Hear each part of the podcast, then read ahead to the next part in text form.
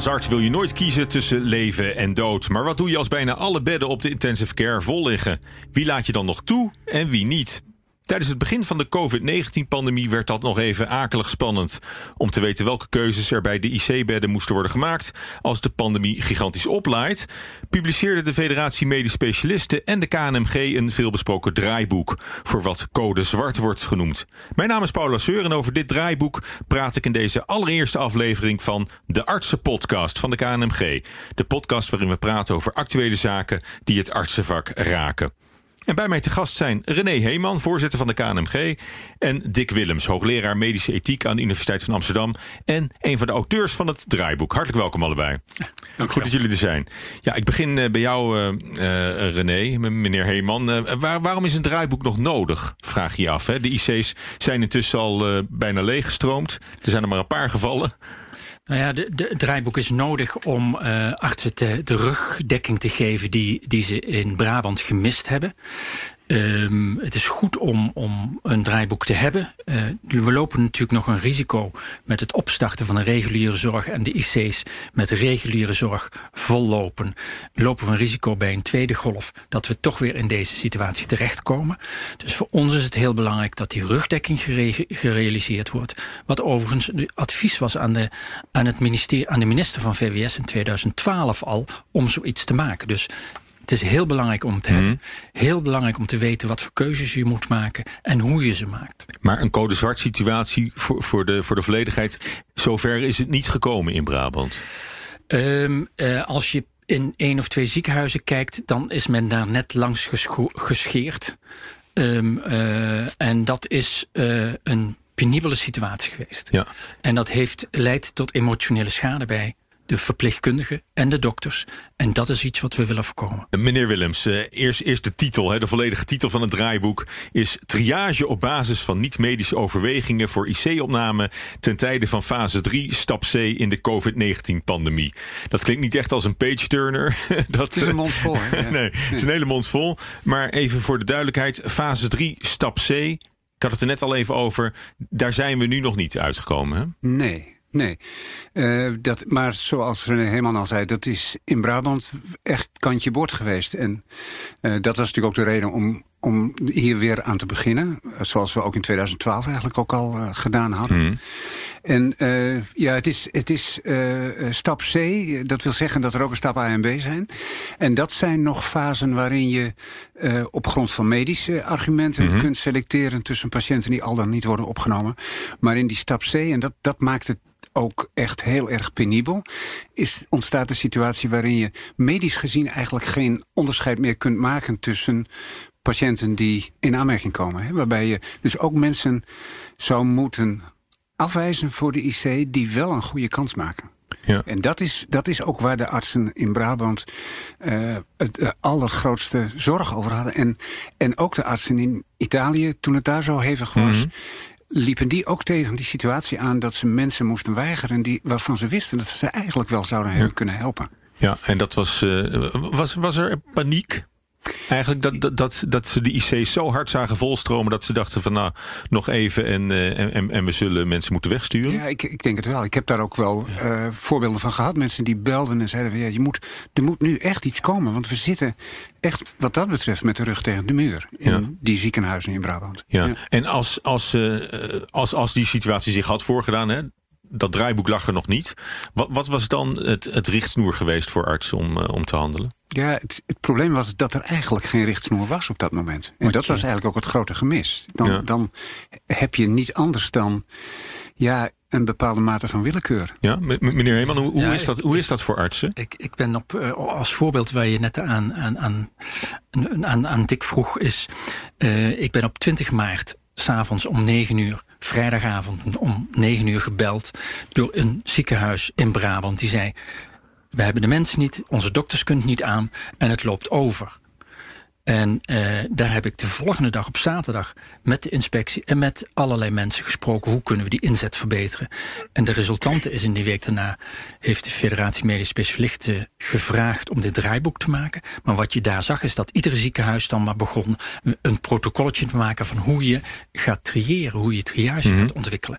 En daar kunnen dan hele rare dingen in komen die mogelijk ethisch niet verantwoord zijn. En dat is wat je wilt voorkomen. Maar goed, dan, dan, dan denk ik heel simpel. Ja, wie het eerst komt, eerst maalt. Ja, dat kan, dat kan een methode zijn om triage te plegen. Wie het eerst komt, wie het eerst maalt. Het probleem daarmee is, is dat je natuurlijk, uh, als je niet dicht bij het ziekenhuis woont, uh, je een minder goede kans hebt op, dat, op die noodzakelijke mm. zorg, die noodzakelijke intensive care zorg. Ja. Je, krijgt wel, je, je voedt mensen wel een beetje ja. op dat bij, bij geringe klachten al, dat ze meteen zo snel mogelijk naar het ziekenhuis nou, gaan. Dat is een ander probleem ja, met. Uh, wat René zei, is natuurlijk een probleem. Hè? Het heeft echt te maken met iets toevalligs als de afstand die iemand heeft tot het ziekenhuis. En uh, wie het eerst komt, is, is redelijk beïnvloedbaar door hoe je je gedraagt. Om niet te zeggen ook wel manipuleerbaar. He, dus je kunt, je kunt zeggen van uh, ik ga maar vast, want dan sta ik tenminste vooraan in de rij. Mm -hmm. Dus het lijkt een het is heel letterlijk toevallig dan. iets. Ja, ja. ja, het lijkt heel toevallig. En weet u, dit, dit draaiboek is eigenlijk ook gemaakt voor de situatie dat er een echte overstroom zou zijn, waar, waarin je eigenlijk niet meer kunt zeggen van mensen komen rustig met een flinke tussenpoos mm -hmm. aan, maar waarin er toch eigenlijk een soort golf van patiënten aankomt. En dan wordt dat onderscheid van wie het eerst komt, wordt dan, ja, dat, dat wordt dan wel, dat begint dan iets arbitrairs te krijgen. Hè? Dan kan het om minuten gaan en ja, dat is eigenlijk niet zo heel erg relevant dan meer. Ja, dus wie het eerst, wie het eerst geklokt heeft. Uh, ja, dat, dat is wat je dan krijgt, maar je ja. krijgt ook, zoals Dick net aangeeft, heel veel druk op de ziekenhuizen, terwijl je juist minder druk op de ziekenhuizen wilt hebben. Ja. Oké, okay. en, en waarom zou uh, Martin van Rijn, de minister voor Volksgezondheid, dan een voorstander juist zijn van dat principe? Wat, wat die gaf aan, dat dat eigenlijk wel een hele goede. Uh, ik denk dat dat een vraag is voor Martin van Rijn, zou ik zeggen. Um, we hebben natuurlijk veelvuldig met hem gesproken. Ik heb geen duidelijk idee waarom hij daarvoor kiest. Um, ik denk dat het ook heel moeilijk is voor de politiek om te zeggen... we gaan leeftijdscategorieën gebruiken om mensen tri uh, te triëren. Mm ja, waar, waarom is dat? Uh... Nou, er is, er is natuurlijk het gevoel dat je op uh, leeftijd dan als een, uh, een, een criterium gebruikt om onderscheid te maken tussen mensen. Dat ligt gevoelig. Dat, mm -hmm. geeft, men, men, dat geeft de indicatie van leeftijdsdiscriminatie, maar dat is het in dit geval niet. Nee, het geeft denk ik mensen de indruk dat ouderen het niet meer waard zouden zijn om opgenomen te worden op de IC. En dat is absoluut niet de intentie en ook niet de opzet van dit draaiboek. Nee, maar alleen al die suggestie is denk ik wel iets wat je als politicus niet graag voor je rekening wil nee, nemen. Nee, dus daarom moeten we ook heel zorgvuldig over dat Met een vergrijsd electoraat is ja, dat natuurlijk nee, ook een... En, maar maar de, de, ik denk dat dat wel de, de reden is waarom er daar, met name over dat leeftijdscriterium, is heel erg veel uh, gepraat meteen. Mm. Dus dat krijgt eigenlijk meteen alle aandacht. Dat vind ik wel jammer, want dat is niet, absoluut niet het enige. Het is zelfs het allerlaatste criterium. En eh, ik hoop dat we in de komende tijd nog, nog sterker naar voren kunnen brengen dat het eigenlijk een, een aantal stappen is. En die, die leeftijd, dat, dat, is echt het allerlaatste waar we terechtkomen... en waar we misschien wel helemaal nooit terechtkomen. Mm -hmm. Maar vanwege de gevoeligheid heeft dat nu de meeste aandacht gekregen. Ja. Maar dat uh, hoop ik toch wel dat het... Uh, maar goed, als het, toch, als het toch helemaal aan het eind is... Uh, kunt u natuurlijk ook zeggen als een van de auteurs van het rapport... weet je wat, dan draaien we dat om dan, dan uh, doen we niet die leeftijdsselectie helemaal aan het eind van de, als laatste stap. Nou, laat ik zeggen, ik sta er nog steeds achter op de manier waarop wij het geformuleerd hebben. Maar dat vergt misschien wat uitleg. Dus hmm. ik weet niet wanneer u nou dat ja, zou willen. Maar, nou ja, u, u bent uh, een van, van de auteurs van, uh, van het draaiboek. Wat, wat, waren, wat waren de uitgangspunten? Nou, we hebben eigenlijk drie belangrijke uitgangspunten. Het, het eerste is dat ieder leven evenveel waard is. He, dus we maken geen onderscheid op basis van bijvoorbeeld de kwaliteit van iemands leven voor die tijd. Of we maken geen onderscheid op basis van beperkingen of handicaps. Uh, dus of laat staan sociaal-economische verschillen of, of etniciteit. Dus ieder leven is voor ons evenveel waard. Dat is de eerste stap. De tweede, het, of de eerste uh, achtergrondidee. Het, het tweede is dat, we, dat er in deze op het moment van zo'n crisis zoveel mogelijk levens gered moeten worden. En dus dat is eigenlijk de inzet. Er is een beperkte capaciteit, dus je wilt zoveel mogelijk levens redden. En het derde is dat die beperkte capaciteit op een rechtvaardige manier verdeeld moet worden. En dat betekent dat je mensen die gelijk zijn, waar geen verschil tussen is, dat je die gelijk behandelt. Maar als er verschil is tussen mensen, dan behandel je ze ook volgens dat verschil. Dus dan moet je ze ongelijk. Dus gelijk en gelijk en ongelijk en ongelijk. En dat waren eigenlijk de, de drie uitgangspunten. Waarbij wij van tevoren ook gezegd hebben dat er dus een aantal criteria zijn waar wij vinden dat die selectie niet op gebaseerd mag zijn. Mhm. Dat zijn dingen als kwaliteit van leven. Nou, ik noemde er net al een paar. Ja. Etniciteit. Maar ook criteria die je wel veel hoort in de discussie... als bijvoorbeeld eigen schuld. Ja. En dus iemand waarvan dan gedacht wordt... die komt door eigen schuld op bij Die is naar een coronafeestje geweest. is naar een coronafestje geweest. En wij hebben dat gezegd, dat moet je niet doen. eh, omdat in heel veel gevallen eigen schuld een heel moeilijk te bewijzen en af te baken en een criterium is. Hè. Veel mensen hebben niet, eh, niet zoveel invloed op hun leven dat, ze, dat alles wat er misgaat ook hun eigen schuld is. En ehm, het is ook in de hectiek van zo'n eh, van zo'n keuze voor de intensive care is het, is het niet te doen om te gaan uitzoeken of het iemands eigen schuld is geweest of niet. Want ook iemand die op een coronafeestje is geweest, kan het virus hebben opgelopen in de Albert Heijn. Ja. Dus je, dat moet je dan allemaal gaan zitten uitzoeken. Dat is onmogelijk. En ehm, eh, iets, iets anders nog. Is het zo dat alleen eh, naar eh, coronapatiënten wordt gekeken? Of is het ook zo dat mensen die met, met, met een andere aandoening bij de intensive care zich melden? Ja, ik ben, ik ben blij dat u het vraagt. Want eigenlijk is de eerste, de eerste stelling in die reeks stappen die wij hebben opgesteld... is dat op het moment dat je gaat triëren op basis van schaarste... dan valt dat verschil weg. Want dan is er geen verschil meer tussen mensen die ziek zijn geworden door het COVID, door het coronavirus, en mensen die om een andere reden de IC nodig hebben, omdat ze allemaal in levensgevaar zijn. Hmm, Dus ze hebben in feite allemaal evenveel recht op die schaarse plaatsen. ja. Dus het gaat eh, absoluut ook om andere patiënten dan COVID-19 Oh ja, wat, wat dat is dan misschien anders als je het vergelijkt met de situatie die we nu in Brabant hebben gezien. Want ik had daar het idee dat het vo- volledig eh, en alleen nog maar eh, COVID-19 was wat op de IC's eh, terecht kwam. En die periode was dat natuurlijk zo, omdat men ontzettend gefocust was op co- COVID-19. En wat we met dit draaiboek dus ook willen doen, is geen onderscheid meer maken Ja. tussen COVID en non-COVID-19. Oh, dus dat, dat, dat zou alvast is een hele goede, een- goede ontwikkeling Misschien zijn. heeft u het in de krant gelezen. In, in Friesland Mhm. eh, zei een van de hoofden van de intensive care... die zei, ehm, ja, het is blij, ik ben blij dat we het draaiboek nu hebben... want dan krijgen we ook weer de aandacht voor de non-COVID. En dat Ja. we daar ook wat mee moeten. Ja, dat is een belangrijk punt. Dus Ja, ook van dit. eh, is en eh, het, het bestaat uit een, uit een viertrapsraket, hè, het draaiboek. Het, zijn- het zijn verschillende eh, stadia van, van, van selectie eigenlijk. Eerst wordt gekeken naar de verwachte duur van de IC-zorg bij een patiënt. Dat is de, de allerbelangrijkste stap, begrijp ik.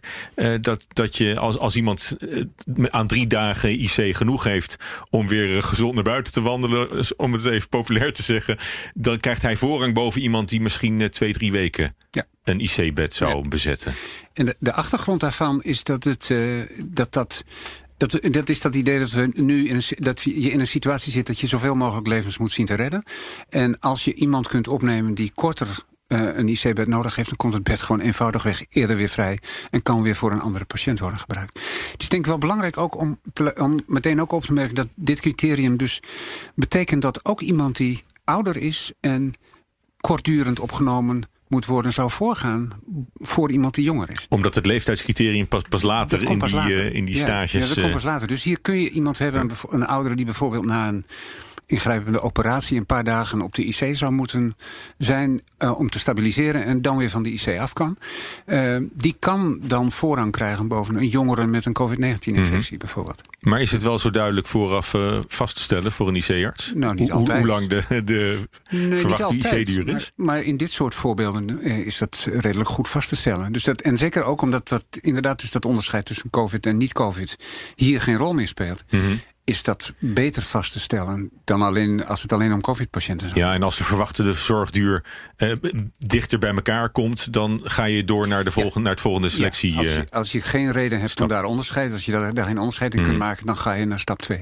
Oké, en stap 2 is, en dat is dan weer opmerkelijk, want iedereen is, is gelijk, maar medewerkers in de zorg zijn dan wat gelijker dan anderen, eh, heb ik, heb ik de indruk. Want die krijgen dan voorrang. Ja, ze zijn wel. Ik zou Onder voorwaarde dat, ze, ze ja. risicovol contact hebben gehad met Ja. coronapatiënten. Ja.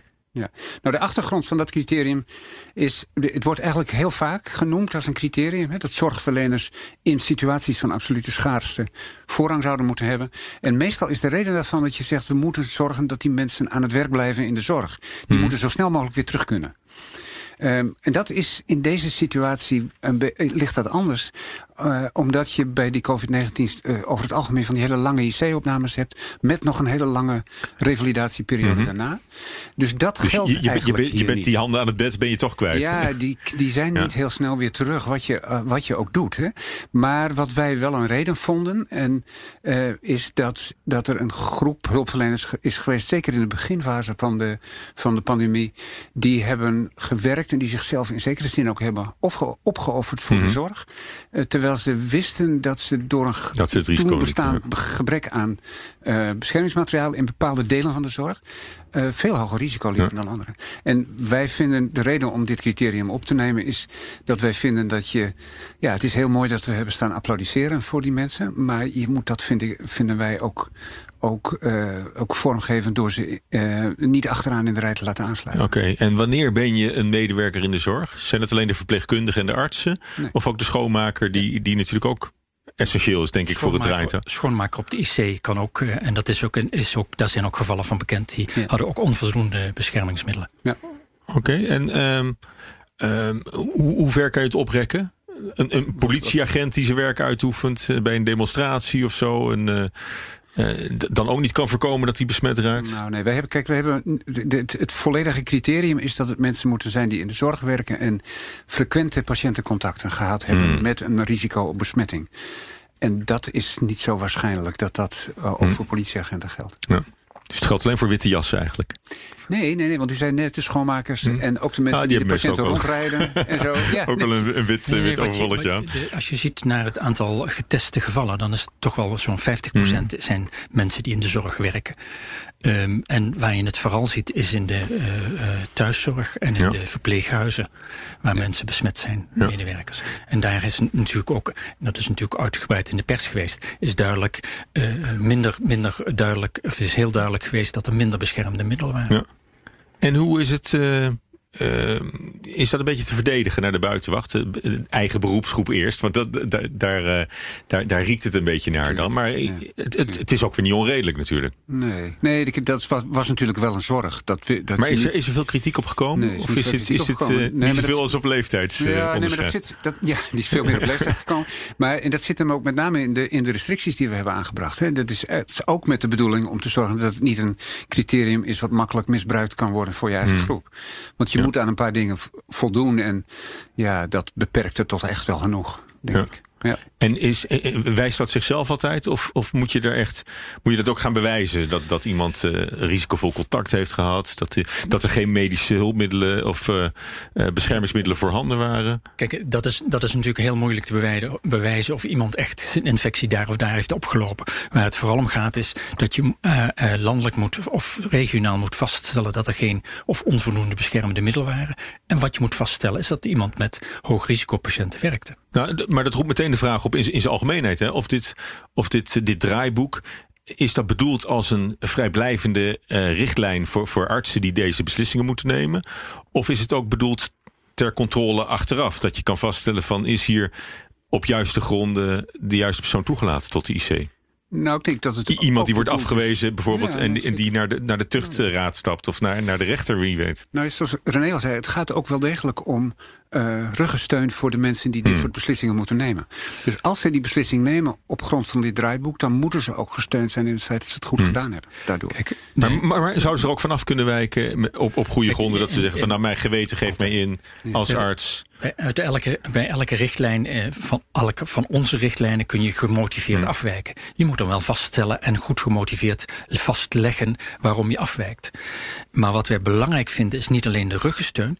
eh, in de zin, je bent juridisch gedekt of tuchtrechtelijk. Maar het emotionele aspect daarvan. Het is een enorme emotionele belasting om te moeten. Om tegen waar je, eh, te- om iets te moeten doen waar, waar je eigenlijk niet voor opgeleid bent. En dat is onderscheid maken in mensen die je wel en niet behandelt. En dat is eh, emotioneel enorm belastend. Ik heb het zelf in Afrika meegemaakt.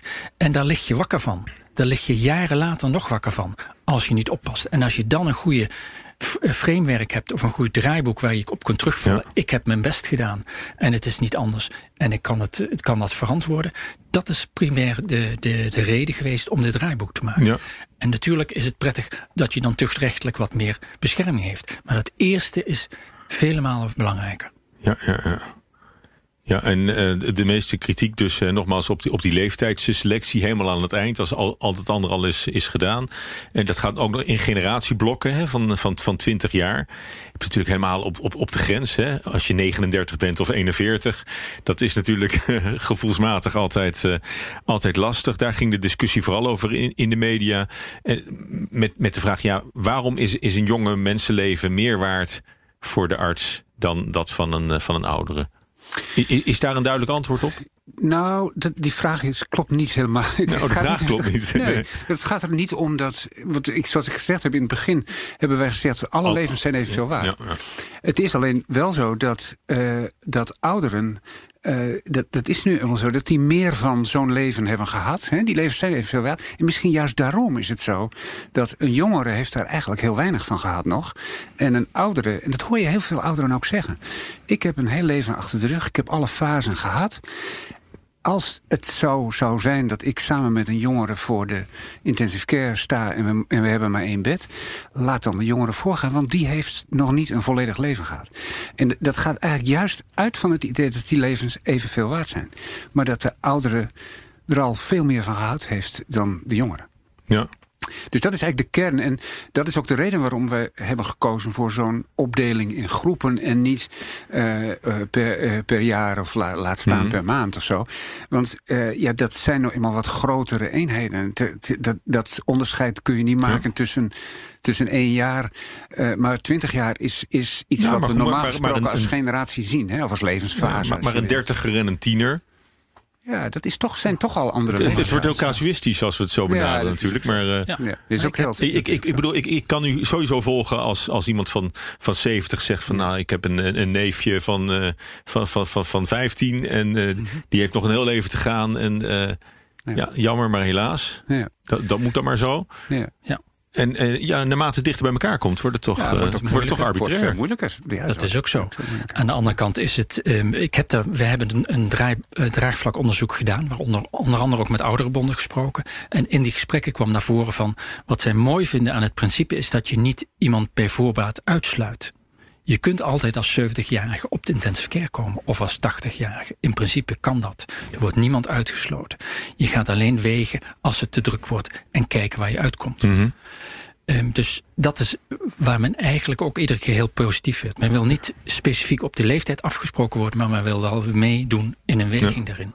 Maar dat, dat criterium laat zich dan toch makkelijk uh, verkopen, zou je zeggen, als je inderdaad aangeeft van ga voor uzelf na, uw eigen kind of kleinkind. Uh, zou je toch ook voorrang geven?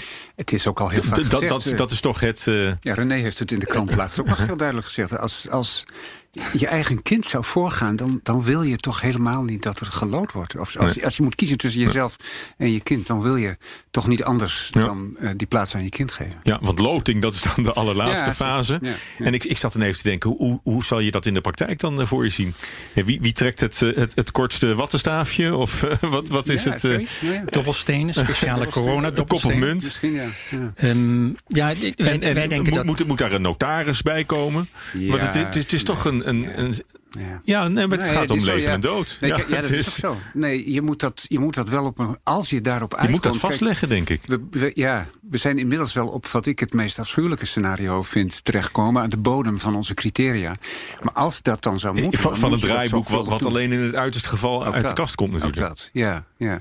En, maar dan moet je dat wel zorgvuldig doen. Ik, ik, ik weet niet of dat in dit soort details moet. Maar wat ik in ieder geval niet zou willen, is, is uh, zoals het in sommige Italiaanse ziekenhuizen gebeurde. waar men noodgedwongen hoor. Het was echt, echt omdat het niet anders kon, denk ik. aan het begin al mensen een loodje liet trekken. Over, uh, over de vraag of ze, als het nodig zou zijn, ooit op de IC zouden komen. Dat moeten we niet hebben, maar verder. En er moet natuurlijk een zorgvuldige procedure voor zijn. Nou goed, het is, maar het is natuurlijk arbitrair in zijn meest uh, ultieme vorm, hè, loten. Is het dat, ook. dat, dat, maar dat kan je van een arts toch niet vragen? Dat, dat Nou, die dat loodjes trekt eh, op, op levende dood? Nou, zoals ik net al zei, je, je wilt eh, als arts eh, mensen beter maken eh, en niet eh, kiezen de- Hmm. deze behandel ik niet en die behandel ik wel. Dat is een belangrijk aspect. Een belangrijk aspect hiervan is ook dat we een triagecommissie hebben. Hè? Dus dat je niet als individuele dokter aan de poort loodjes gaat trekken of beoordelen of dobbelen. Dat ga je niet doen. Daar heb je een triagecommissie van eh, voor. En daar zitten een paar artsen in die niet behandelen. Daar zit een ethici in. eh daar zitten juristen in. Dus dat is wel heel goed geborgd. Maar dat wil niet zeggen dat het niet emotioneel belastend is voor degene die het moet uitvoeren. Ja, dat li- lijkt me, lijkt me eh, loodzwaar. Ja. En, nou goed, het, het, het draaiboek ligt er nu. Iedereen kan erop reageren. Dat, dat is ook, denk ik, een van de, van de oogmerken geweest. Hè, omdat er een discussiestuk ligt. Ja, ja, ja. Van, eh, van ook dat iedereen zich realiseert wat, wat, voor, eh, wat voor kwelling het kan zijn om, om, om hierin te moeten beslissen. Eh, maar vanuit de beroepsgroep, hè, welke, welke reacties overheersen de afgelopen dagen? De, de reacties uit de beroepsgroep die zijn positief. Men is blij dat er iets ligt. Is blij waar men iets mee kan. Men gaat nog kijken of je het echt praktisch heel goed kunt gebruiken. Of je het, daar vlug een schifting kunt maken, dat soort dingen. Eh, dat gaat nog gebeuren. We hopen dat daar eh, nog eh goede, goede verbeterslagen uitgehaald kunnen worden. Een beetje zo'n blokkenschema zoals bij het belastingformulier. Dat je Ja, dan lijkt het op indien ja, dan... eh, Dat lijkt op vinkjes, daar ben ik niet zo'n voorstander van. Ja, maar nee. En, er wordt natuurlijk naar de praktische uitwerking ge- gekeken. En kun je dit in een triagecommissie ook goed beoordelen? En heb je nog een second opinion-achtige situatie nodig? Dat soort dingen. Ja, en is er een duidelijk verschil eh, voor jullie wat, wat, wat er te zien was eh, aan de reacties uit de beroepsgroep en uit de samenleving? Nou, ik, Nou. Het, het wisselt erg nog. Eh, eh, in de, eh, er zijn, ik heb in, in eh, radioprogramma's gezeten waar eh, ouderen inderdaad zeiden wat ik zo straks zei. Ik, volstrekt logisch dat dit zo is afgesproken. Want natuurlijk moet mijn plaats, als ik er iemand anders, als ik door daar te gaan liggen, een jongere uit van de IC afhoudt, zodat die het gaat, zodat die gaat overlijden. Vind ik het zo logisch als wat. Het wisselt. Dus, dus er zijn natuurlijk ook de, de tegengestelde reacties. Ja, wat de politiek, wat toch een beetje de, de- de spiegel is ook van de samenleving, Ja, ja. Die, die, die zit daar precies, eh, die staat daar dan weer eh, tegenover. Ja, maar de overwegende reacties die ik in individuele gesprekken zie van mensen uit de samenleving zijn positief. Ehm, en er zijn natuurlijk ook mensen die, die, die natuurlijk zeggen van ik ben 65, ik ben fit eh, en ik, eh, ik loop elke dag 10 kilometer. Natuurlijk, maar individuele gevallen zijn veel moeilijker. In, in hoofdlijnen zien we veel positieve reacties, omdat men weet waar, je, waar men naartoe is. En het tweede belangrijke aspect is dat men ook weet dat het transparant is en dat je dus toetsbaar bent. Ja. Maar eh, er bestaat natuurlijk de kans, tenminste ik kan me voorstellen dat de politiek ook eh, wettelijke maatregelen neemt. die- de uitvoering van dit draaiboek zouden kunnen, kunnen dwarsbomen. Of de invoering daarvan zouden kunnen tegenhouden. ja. Het is een beetje eh, welke, welke status je het nu meegeeft. Ja, dat is eerlijk gezegd. Wat ik echt heel belangrijk vind, is dat we nu eh, in de samenleving hier verder over discussiëren. En dat, dat duidelijk wordt wat het draagvlak en hoe acceptabel deze ideeën zijn voor, eh, voor de samenleving. En, en, en wat ik ook een hele belangrijke functie van het draaiboek vind, is inderdaad dat mensen hierover gaan nadenken. En wat natuurlijk ideaal zou zijn, is als mensen ook vastleggen eh, wat ze willen op dit gebied. En hoe ze dit. Dus er zelf over nadenken. En ook nou ja, zeggen van eh, eh, wat ze willen en niet willen. Hm. Maar, maar vind dat, ik dat, zit, dat zit op nog niet in het draaiboek, toch? Een, een soort codiciel moment? Of, Nee, dat, of- dat heb je natuurlijk al vooraan. Ja, dat je voor die je tijd hebt al. voor die tijd gesprekken met de huisarts, advanced care planning. Wat wil je? Waar ga je naartoe? Wil je welke stappen wil je? Eh, dat is ook wat Liane Den Hane, voorzitter van de AMBO, ook zei. Wij zouden heel graag die advanced care planning beter, nog beter geïmplementeerd willen hebben. Ik denk dat daar extra aandacht aan moet. Maar eh, dit draaiboek is natuurlijk voor hele specifieke situaties. Op het moment dat je echt niet anders meer kunt schiften. Mhm. Ehm, dus dat is belangrijk. En wat wij, waarom we het nu brengen is omdat je nu tijd hebt voor reflectie. We zitten niet in, de, in, een, in een pieksituatie. We kunnen met de beroepsgroep reflecteren of dit de goede methode is. Maar ook in de maatschappij. Ja? Ja. Is, daar wel echt wel tijd voor? Eh, v- Vreest, u eh, een, een, een tweede golf? Tweede uitbraak, is dat... Ik eh, vrees het wel, ja, zeker. Ja. Ik, denk ook echt niet dat we ons nu in slaap moeten laten sussen. En gelukkig hmm. is dat, dat is ook wel een reden waarom ik wel blij ben... dat dit draaiboek nu wel gepubliceerd is. In 2012 hebben we met een groep ethici iets dergelijks gemaakt. Er stond in grote lijnen dit Voor, welke, welke... Oh, dat was, dat was naar aanleiding van de Mexicaanse griep toen. Want toen dreigde dit ook te gebeuren. Al waren het toen eigenlijk vooral kinderen die, uh, die uh, het slachtoffer waren. Die, die nu relatief buitenschot ja, blijven. die nu relatief buitenschot maar uh, toen is dat gedaan. En dat is eigenlijk is in een la balans. En uh, ik ben heel blij dat dit nu wel echt ter discussie komt. Omdat, omdat we, ja, ik denk inderdaad dat de kans toch zeer reëel is dat we weer in een nieuwe golf komen. En zelfs los daarvan, de kans dat er weer eens een nieuwe epidemie komt. Ik bedoel, de vorige is, is een jaar of tien geleden, iets hmm. meer. Dus de kans dat dat weer gebeurt is denk ik groot. Dus je moet op dit soort dingen voorbereid zijn. En wat er nu ligt, hè, stel die, die, die tweede golf breekt eh, morgen uit. Ja. Uh, is, is dit dan al bruikbaar of is het, is het pas af als, uh, als de hele samenleving daar zijn plasje op uh, gedaan heeft? Ja, uh, zoals het er ligt kun je het in principe gebruiken. Wat wij belangrijk vinden is dat het toetsbaar en transparant is voor de samenleving. Dus wij vinden het maatschappelijk debat rondom dit draaiboek heel belangrijk. Ja, en maar er komt dus een, er komt dus een, een definitieve versie komt, komt er nog aan. Dat is wel de bedoeling. En, en wat is daarvoor het moment? Ja, dat. Om de recht een klap op te geven. Ja, nou ja, dat, hangt mogelijk toch ook af van wat er, wat er aan andere ideeën bestaat. En in hoeverre het houden. Het, uh, het, uh, het blijft zoals het is. Hè. Het, zou, het zou kunnen zijn dat dit het gewoon is. Ja. Voor ons. Bent u daarin nog afhankelijk van, van de politiek en wat, wat zij ermee doen? Uh, nou, wij hebben als beroepsgroep hebben wij altijd gezegd... we willen het maatschappelijk debat en we willen het debat in, in onze eigen beroepsgroep achterban. En alles wat eruit komt wat gereden geeft om het rijboek aan te passen... dan gaan we het aanpassen. Uh, ik denk dat ik erg benieuwd ben wat de politiek daarmee gaat doen. Ja, ik denk, ik denk weer allemaal. Nou, zeker. Maar het is, een, het is inderdaad toch een.